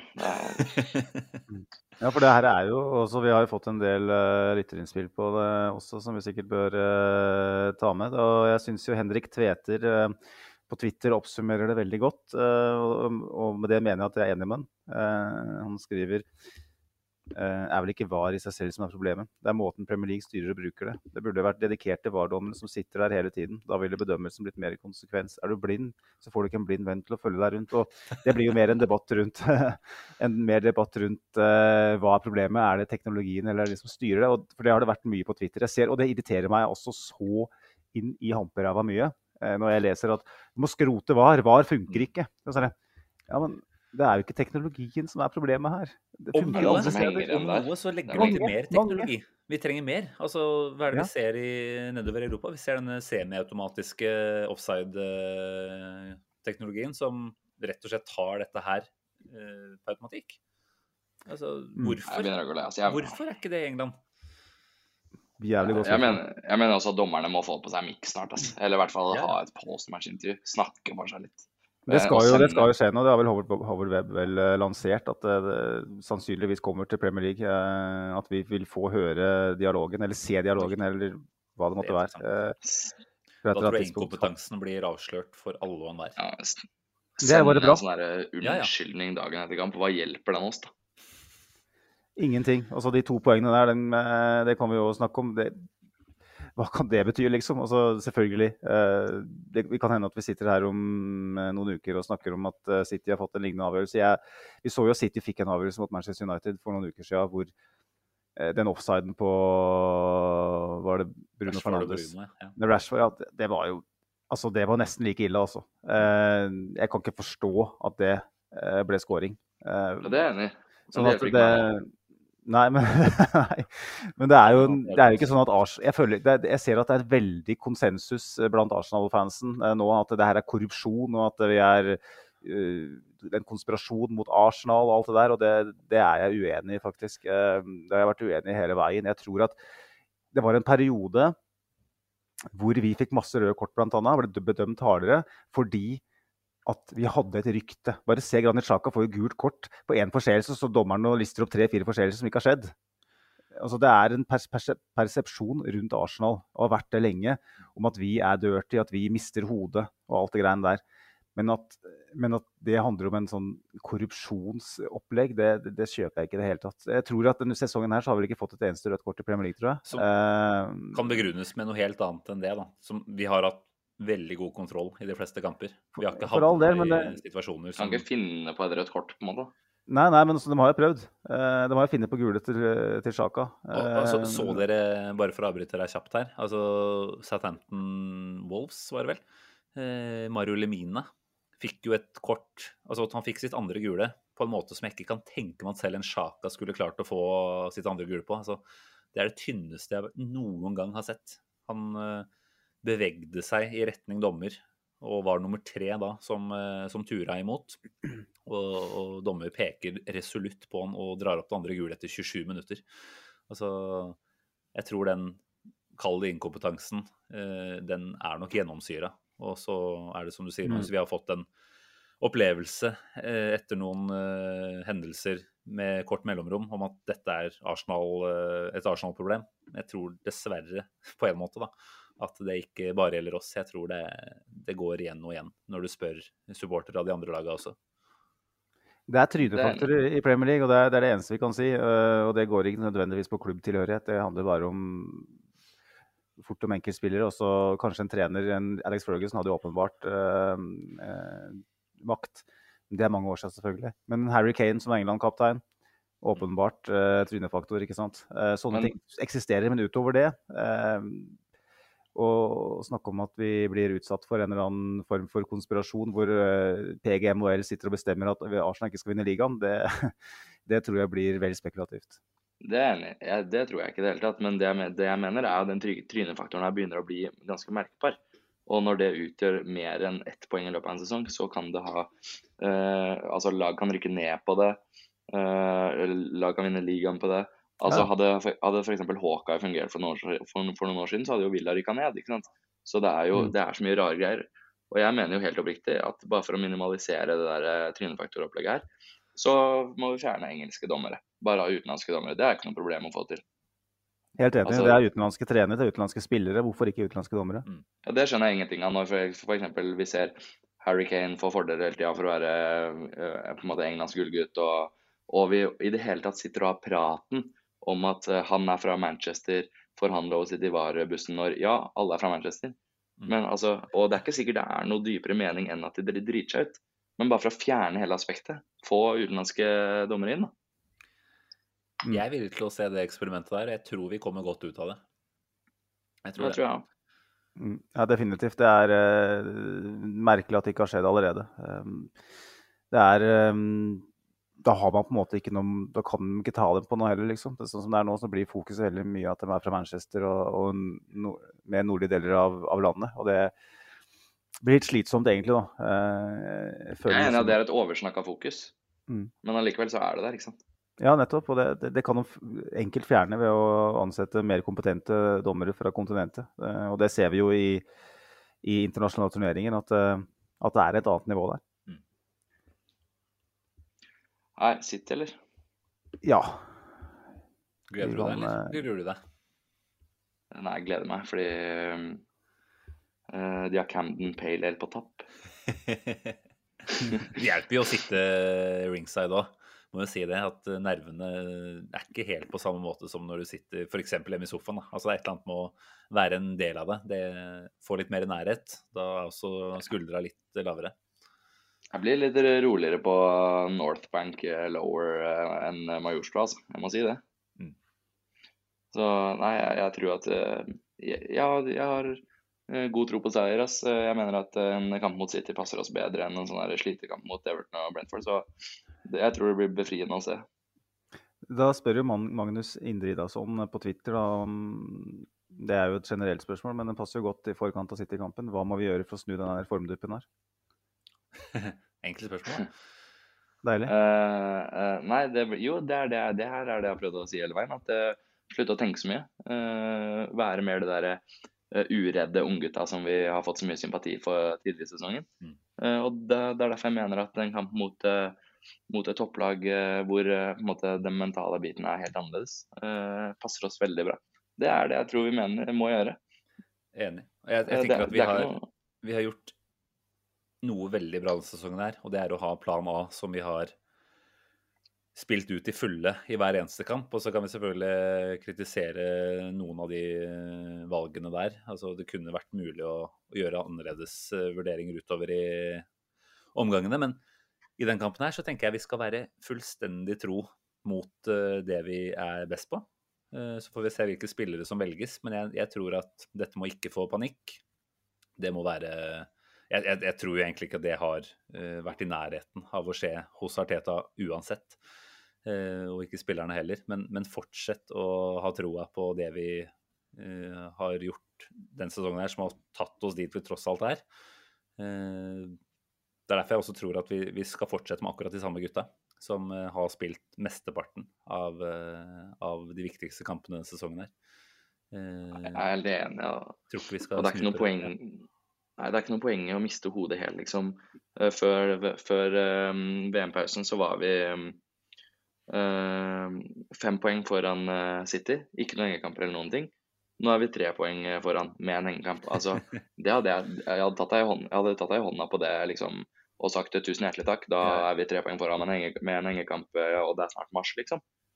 Så altså Slå, slå City på onsdag, så er, jo, så er jo alt gullegodt igjen. Eh, og vi, må Altså, det, det her mener jeg. Eh, folk må stikke fingeren i jorda og realitetsorientere. Altså, vi har ikke vært i Champions League på Uh, altså, siden jeg gikk på ungdomsskolen, nesten. jo. uh, altså, det, er jo helt, altså, det er jo helt sinnssykt. Vi, er, vi skal jo ikke. Er det virkelig noen som, inkluderer dere to, eller noen som hører på podkasten, som trodde at vi skulle løpe av gårde med Premier League-trofé, så må man nesten faktisk bare tenke seg om en gang til. altså. Eh, og det, og altså, de kampene her kommer til å komme. Nå kom, de, nå kom det to etter hverandre, det gjorde det. Men altså, det handler ikke om å være så jævlig god hele tiden og vinne 38-38. Ingen gjør det. Det handler om å være best i England. Og ja, City var gode i dag, men det har lugga der òg. Altså, det her kommer til å bli, vi kommer til å bli til negler hele tiden. Mm. Det kan godt hende meg og Magnus står på den Wolverhampton-kampen og uh, enten bare har drukket og kost oss og er sju poeng bak City og skal tilbake i Champions League, liksom. Og det har vært en fantastisk sesong, og vi har utvikla oss masse. Kult, det. Eller så sitter vi og ser om Thomas Frank har sluppet inn enda. Eller så leder vi med syv poeng. Altså, det er ikke der fokus må ligge. Det må jo være på utviklingen, og, og den har gått mye fortere enn jeg har trodd. Men altså, vi, det handler jo om å på en måte vite hvor, litt hvor du kommer fra. Ja, veldig godt. Det er jo et uh, veldig viktig poeng. Samtidig så er det jo sånn at man kommer inn i den bobla da, som vi har vært inne i nå. Uh, den som handler om den sesongen her. Um, og foran den runden her så tenkte vi jo at hvis vi gjør jobben vår, så har vi ikke noe særlig press på oss i den City-kampen. Da klarer vi oss veldig fint med en U. Eh, til og med har vi råd til å tape, på en måte. Mens nå så er inngangen en helt annen. Et tap nå, så leder City Premier League på onsdag. Eh, en seier, så har vi seks poeng foran med en kamp mindre spilt. Ja, men det nytter ikke å tenke, Nei, jo, men det- jo. på det. Men det er jo, inngangen til kampen er jo veldig annerledes enn den ville vært. Og det er jo litt sånn hvordan, hvordan takler det unge laget det er. Jeg sier ikke at jeg krever at Arsenal skal vinne ligaen denne sesongen her, men når vi er i den posisjonen vi er, så ser vi jo at klubben agerer deretter. Man henter kortsiktige løsninger. Eh, igjen Jorginho, til dels Trossard. Eh, man, man forstår at man er i en posisjon som man ikke nødvendigvis eh, normalt sett vil være i. Um, og klarer vi det ikke, så er det greit. Eh, for all del, men når vi først er i den bobla, så syns jeg fortsatt det er interessant å, å, å ta de poengene. Det er fint med det folkeblikket eh, som du har, men eh, vi må òg tørre å være i bobla. Mm. Jeg, jeg, Ja, men det, den, den bobla skremmer meg. For altså, det er et par sesonger siden hvor, hvor, hvor Liverpool og City fighta om det her. Og altså, City vant de siste 18 kampene, liksom. Altså, det er Vi er Altså, vi, vi må bare enjoy the ride litt mer enn vi har gjort. Og prøve å, å, å presse den bobla litt vekk, mener jeg. Eh, og jeg ser poenget ditt. Jeg ser absolutt poenget ditt. Men kommer vi på andreplass i år og er tilbake i Champions League og bruker 100 millioner pund på Declan Rice til sommeren, så altså, vi har bygd et monsterkollektiv, og vi skal jo kjempe om de titlene her i tre og fire og fem år. Mm. Altså, det, vi må, man må puste litt med magen. Det er det jeg prøver å fortelle meg selv, i hvert fall. Ja, paradoks. det, det jo, Ja, sorry. Jeg skulle bare si Paradokset her er jo egentlig at jo mindre vi klarer å tenke på at vi er i den situasjonen vi er, eller posisjonen vi er, og jo mindre vi klarer å tenke ligagull, jo større sjanse er det for at vi faktisk oppnår det. Eh, men hvordan klarer den gjengen her og fortelle seg selv det? Eh, jeg vet ikke om vi faktisk gjør det lenger, fordi som du sier, Magnus, nå har vi jeg jo tror ikke det er mulig. ass. nå, nei, og Ved disse grepene som blir gjort i januar, da, så har man jo kommunisert for all tydelighet at dette her er noe vi går all in for her og nå. Mm. Så du kan liksom ikke lure spillerne eh, på London Colony gjennom uka til å si at ja, nei, men gutta, vi er good innafor det som var eh, målsetningen vår. Vi, vi er på skjema til eh, CL-kvall og vel så det til neste sesong. Dette går fint, bare slapp helt av. Nå er det ligagull det står om. Det kommer til å være det eneste, eh, altså ikke det eneste, men de kommer til å ha det i tankene de neste 15 matchene i sesongene, forhåpentligvis, da. Så fremt ikke vi skulle ha klart å bli eh, forbipassert i, i store, lange baner før den tid. Men eh, selvfølgelig. det blir en sånn Altså, teoretisk. Nei, nei, men jeg er helt enig. Jeg skulle ønske at det var mulig for spillerne å tenke sånn.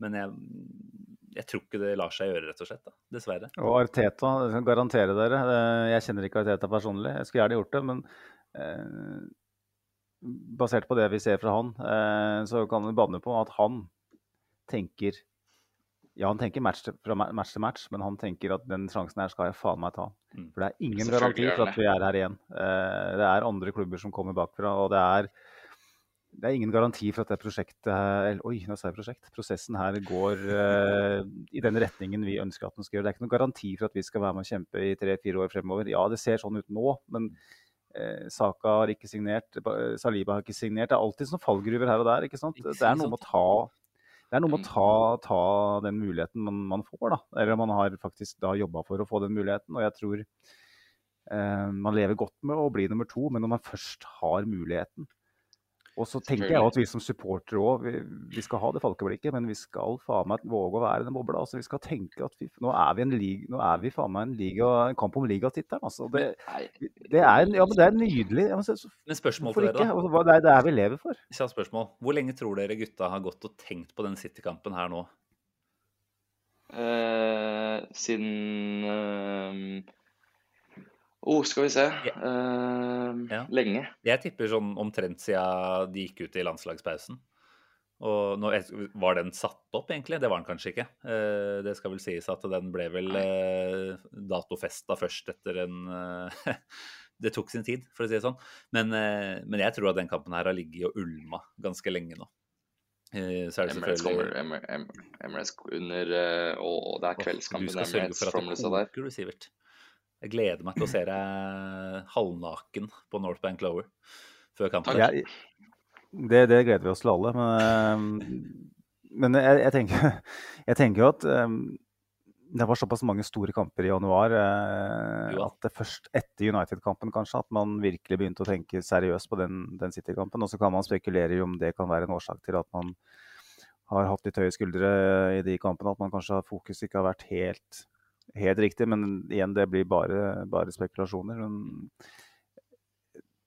City har jo den City-kampen har jo blitt mye større òg eh, pga. de avsløringene som har vært nå de siste dagene. Eh, nå er det så utrolig mye støy rundt City. Eh, og du har en Pep Guardiola som eh, skal jeg si, han, han eh, er i ferd med å ofre eh, sitt gode navn og rykte og integritet, eh, potensielt. Han går ut på planken eh, og erklærer sin kjærlighet til Abu Dhabi og, og eierne. Eh, hvorpå for et år siden han sa at hvis, hvis, blir, eh, hvis det blir avslørt at han har blitt ført bak lyset, så, så stikker han på dagen. Og nå, nå, snakker han som om han skulle vært eh, familien hans. Så her er det altså så utrolig mye eh, som skjer rundt kampen. Det, det handler nesten mer om det som er rundt kampen, enn om selve kampen. Eh, sånn at det, det, det, det oppgjøret som kommer nå på onsdag, det Sivert skal være vitne til, det, det kommer til å bli så utrolig fyr for City-fansen. Dem er fyrt opp nå. Eh, Pep er fyrt opp. Snakker vi faktisk den største kampen på Emirates, egentlig? Kan være.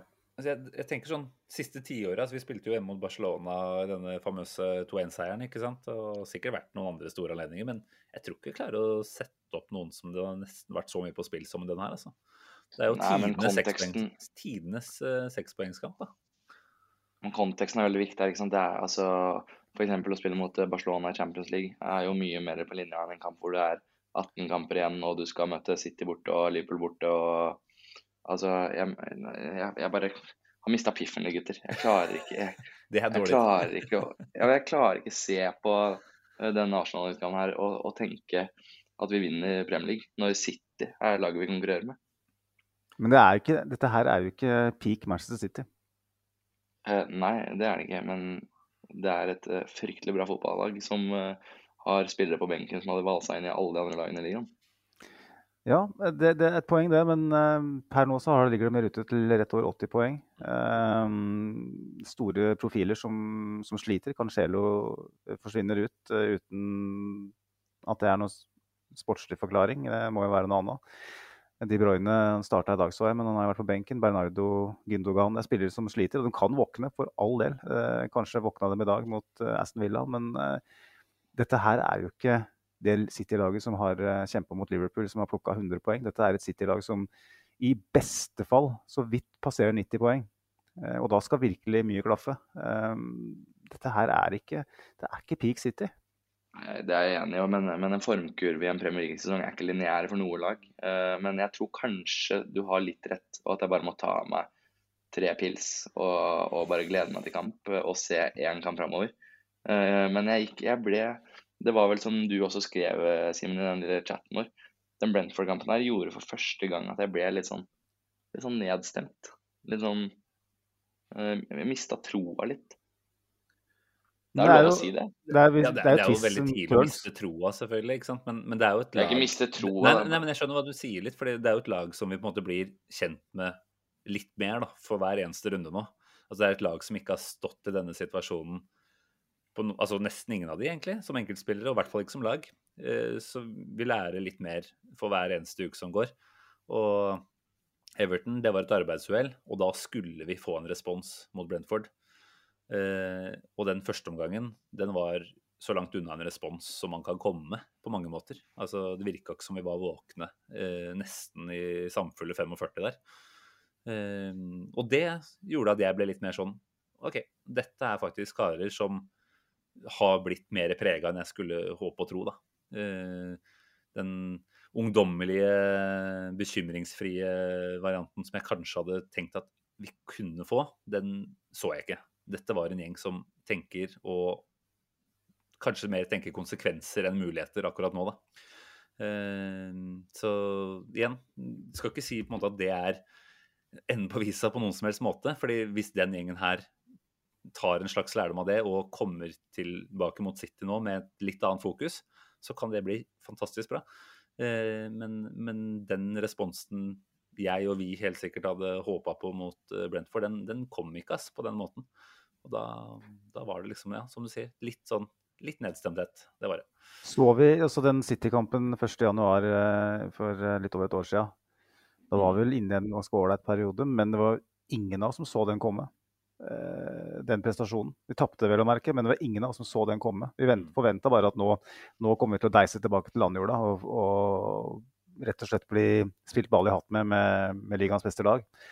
Og vi rundspiller dem i 60-70 minutter. Eh, nå er, går vi inn i kampen igjen med litt sånn åh, nå eh, hva, hva bor det i det laget her nå, liksom?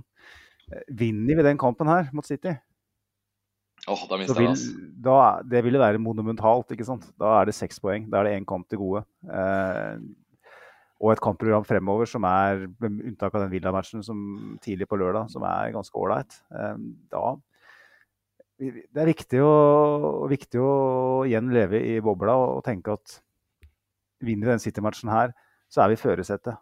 Mm. Det er, det er ingen som kan si at vi ikke er, hvis vi vinner den kampen. Ja, det er åpenbart. Det er helt riktig. Og, og, og selv om vi taper den, så er det jo fortsatt 17 kamper igjen hvor vi har eh, på en måte like mange poeng og en hengekamp. Altså, vi, vi, vi kan fortsatt vinne. Det, det var ikke meninga å være helt negativ, Nils her.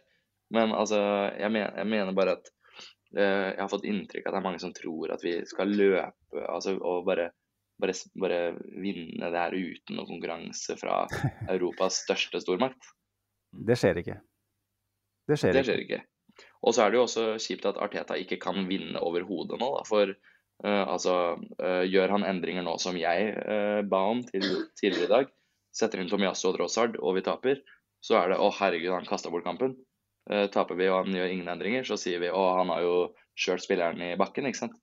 Eh, vi må jo nesten bare stole på at eh, de klarer å snu skuta raskt nok til at vi kan fortsette å være i det gode humøret vi har lagt til oss. Men når vi snakker om litt mer langsiktig Manchester United har en, en spiller nå som er for meg Premier Leagues beste spiller akkurat nå, Marcus Rashford. Som igjen eh, avgjør eh, borte mot Leeds i dag. Eh, skårer jo med venstre, høyre, på hodet, utafor boksen, innafor boksen. Han skårer jo alle typer mål. Han er rett og slett verdensklasse. Ypperste verdensklasse akkurat nå. Eh, de har den spilleren vi kanskje mangler, den eneren. Samtidig er vi et bedre kollektiv enn United. De er per nå eh, er det fem poeng. Med to kamper mer, mer spilt, er det vel? Hvis ikke Jo, jeg tror det stemmer. Det er jo mm, Det er jo potensielt ganske mange poeng, men samtidig, en hengekamp er bare en hengekamp. Eh, er Manchester United med i, i gullkampen? De sa vel det for noen uker tilbake òg, så tok det et kvarter, og så var de ute av den. Eh, Ja, Jeg tror Jeg har ikke lyst til å jinxe noe her, men jeg tror ikke det er det.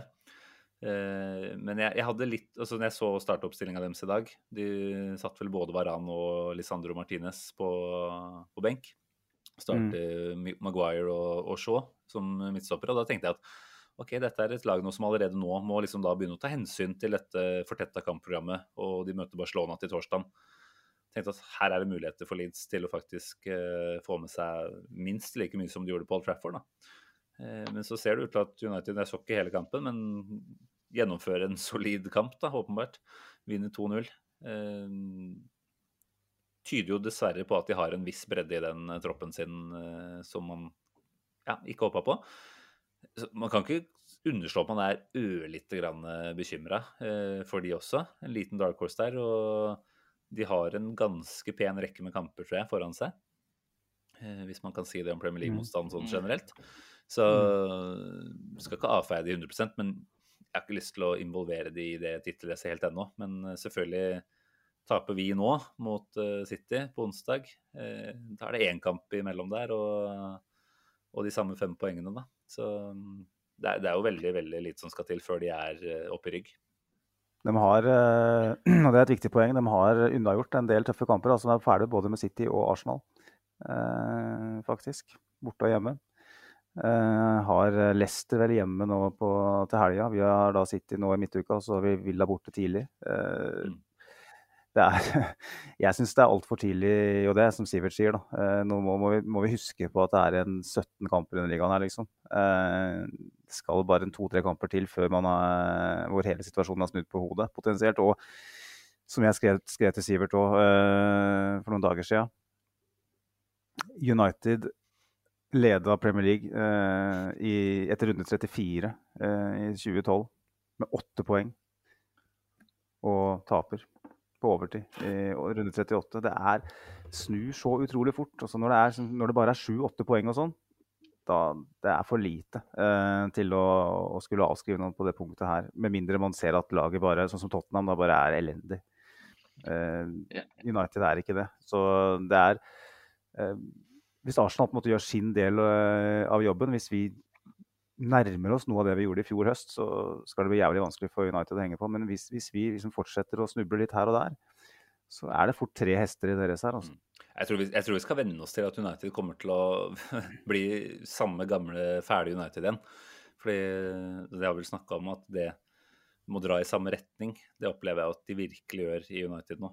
Eh, Kanskje med unntak av eiere, men eh, de er vel på vei ut. Det virker ikke som de er et kjempestort hinder, selv om de ikke har kasta så mye penger i januarvinduet som det Chelsea er. Eh, Men, men det virker som det som skjer under Ten Hag nå, er eh, forferdelig bra.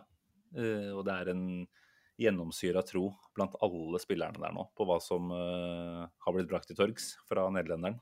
Så eh, håper at vi slipper de eh, opp i, helt opp i ryggen den sesongen her. Og så ser jeg for meg at de kommer til å være absolutt med i toppen fra start neste sesong.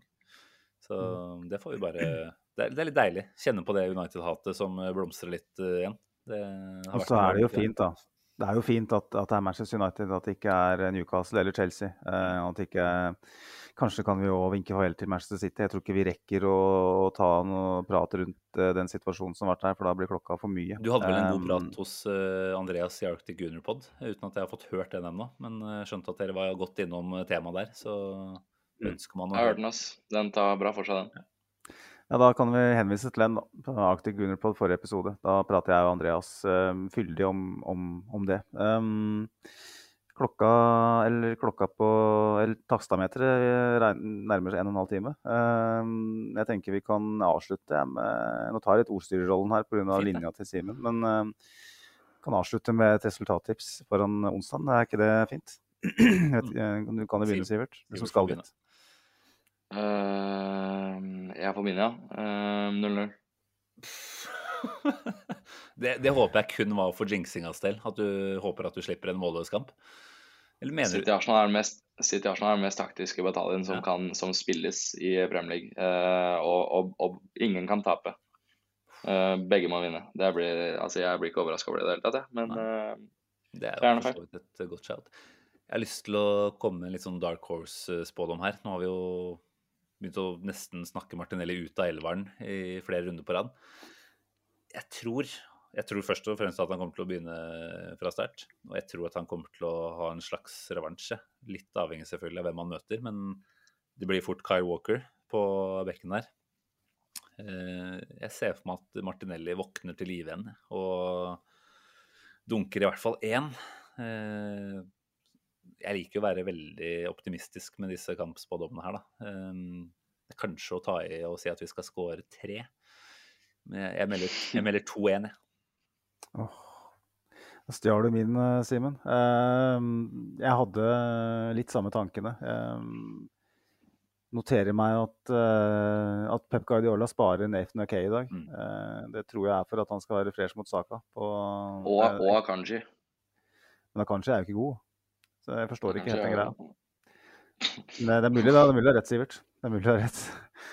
Han er ikke god, sier han som eh, aldri har spilt seniorfotball. Men, eh, men eh, Nei, jeg, Sivert kan fortsatt bli proff fotballspiller han, hvis han bare bestemmer seg. Han har alderen på sin Ja, side. jeg, jeg er en syvendedivisjonsspiller, jeg. Sorry, Magnus. Ikke tenk på det.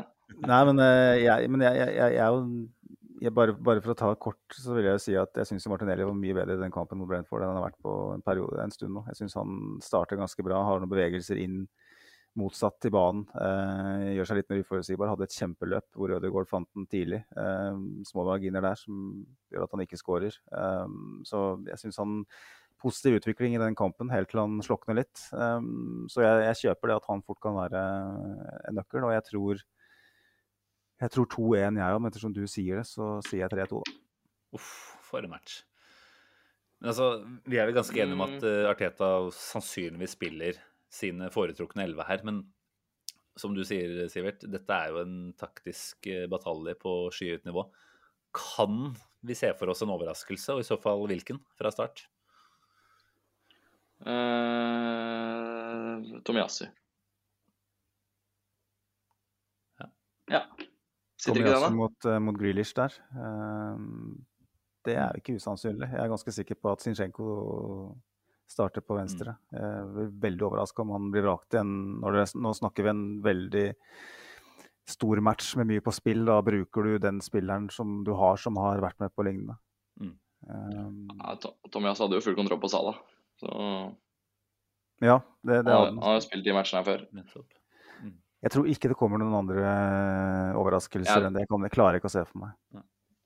Jeg tror Ben White starter også, altså. Og jeg må avslutte her nå med å si at eh, jeg har vært veldig negativ i dag. Det mener jeg egentlig ikke. Uh, Men uh, jeg bare gleder meg til kamp. Jeg har litt reisefeber, og, og så er jeg litt forbanna på dommerteam og sånn, så jeg er litt, jeg er litt mutt. Men jeg, jeg, altså jeg skal Jeg har jo fått eh, innlogginga på Arsenal Pod, eh, eller Pod Arsenal, på Twitter nå. Så det blir, eh, det blir bilde av en tappekran i løpet av, i løpet av Jeg holdt på å si helga, men i løpet av eh, fotballturen. Ja. Så får vi egentlig bare se åssen det går. Altså. De der tre halvliterne, du får bare være på de hele turen, så blir det bra, dette her. Ja, jeg tror det. Ja, for da er jeg positiv. Ja. Perfekt, det. Nei, vi møtes vel på, på check-in omtrent i morgen, vi, da. Du Jeg kan vinke til deg når du trer inn i de engelske grensene. Ja, det hadde vært hyggelig hvis du har litt pund du ikke har fått brukt opp. Bare fått eh, Fått vaska dem. Kan vippse de over. Får til det. Får til det. Spolse litt. Ja. Nei, men eh, det er hyggelig det, gutta, at dere koser dere i eh, det store utland. Ikke, Eh, ikke klag, Magnus. Du er tobarnsfar, og du har ordna deg mulighet for eh, siste serierunde. Så du, du har Ja. nok å se fram til. Jeg klagde ikke, jeg bare sa at det var fint at dere koser dere. Eh, Jeg håper den Wolverhampton-kampen blir uh, noe på spill for din skyld, altså, Magnus. Du fortjener Ja, det. Det er ikke sikkert dere reiser hvis det ikke er noe på spill. Uh, Vi får se. Det her, er det, her, må, her må det bearbeides ganske hardt i heimen for at man skal få gjort en del ting. Eh, Sånn er, sånn er det når det, det er mye som skal dekkes, både økonomisk og fysisk. Så, men jeg tenker, Simen, at uh, hvis vi skulle gå vei mot City, så er det vanskelig for, vanskelig for oss å ikke gå på med en uh, bonuspod der. Men uh, hvis vi taper, så kan det hende at det blir ei uke til neste gang. Ja, altså ingen kan beskylde oss for å være medgangssupporter uansett, så det er jo det har ikke noe med det å gjøre. Men la oss si at det frister mer etter en sånn opplevelse når klokka nærmer seg midnatt på en onsdag, da. Vi, mm. vi har en plan. Vi har en plan. Det kan nok hende at jeg ikke er helt kjørbar da. Jeg håper ikke du er med på pod da. Eller altså, for så vidt. Jeg håper det, men jeg håper også du har andre ting å, å gjøre. Det blir noen rapporter Ja, ja. på, på Twitteren da.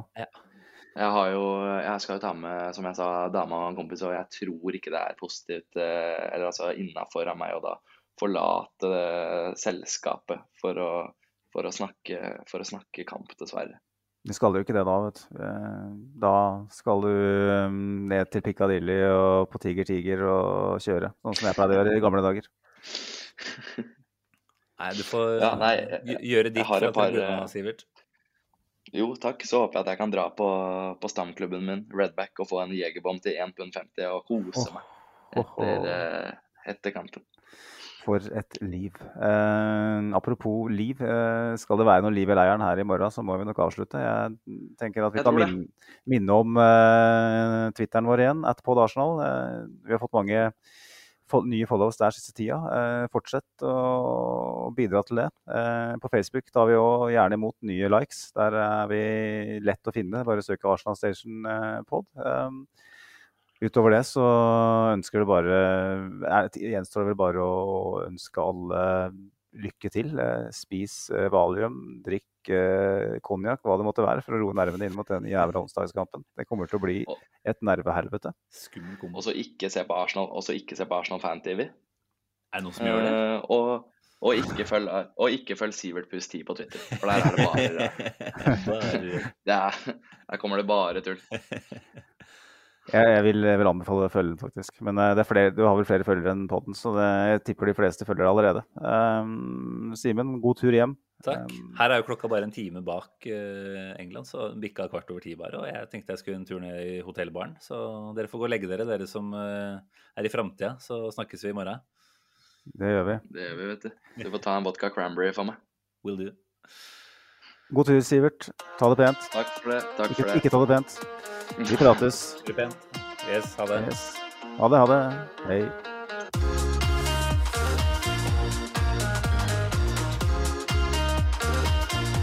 This train terminates here.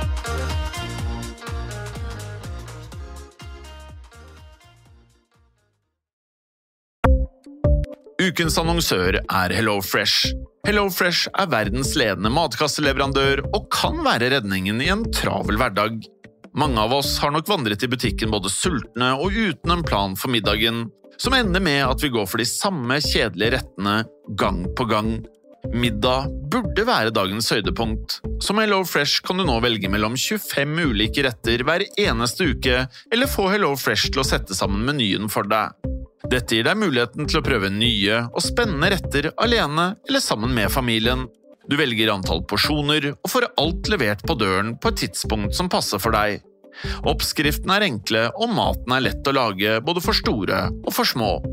Ved å få alt levert hjem får du også mer tid til å dele matgleden med familie og venner. Kanskje det frister med asiatiske tacos eller greskinspirert kylling? Da kan jeg anbefale deg om å gå inn på hellofresh.no. Her kan du bruke koden FOTBALL og få opptil 1779 kroner i rabatt på de første fem matkastene hvis du ikke har prøvd Hello Fresh tidligere. Du kan også bruke rabatten hvis du har vært kunde og stoppet abonnementet ditt for tolv måneder siden eller lengre. Gå inn på hellofresh.no og bruk koden FOTBALL. Har du et enkeltpersonforetak eller en liten bedrift? Da er du sikkert lei av å høre meg snakke om hvor enkelt det er med kvitteringer og bilag i fiken, så vi eh, gir oss her, vi. Fordi vi liker enkelt. Fiken superenkelt regnskap.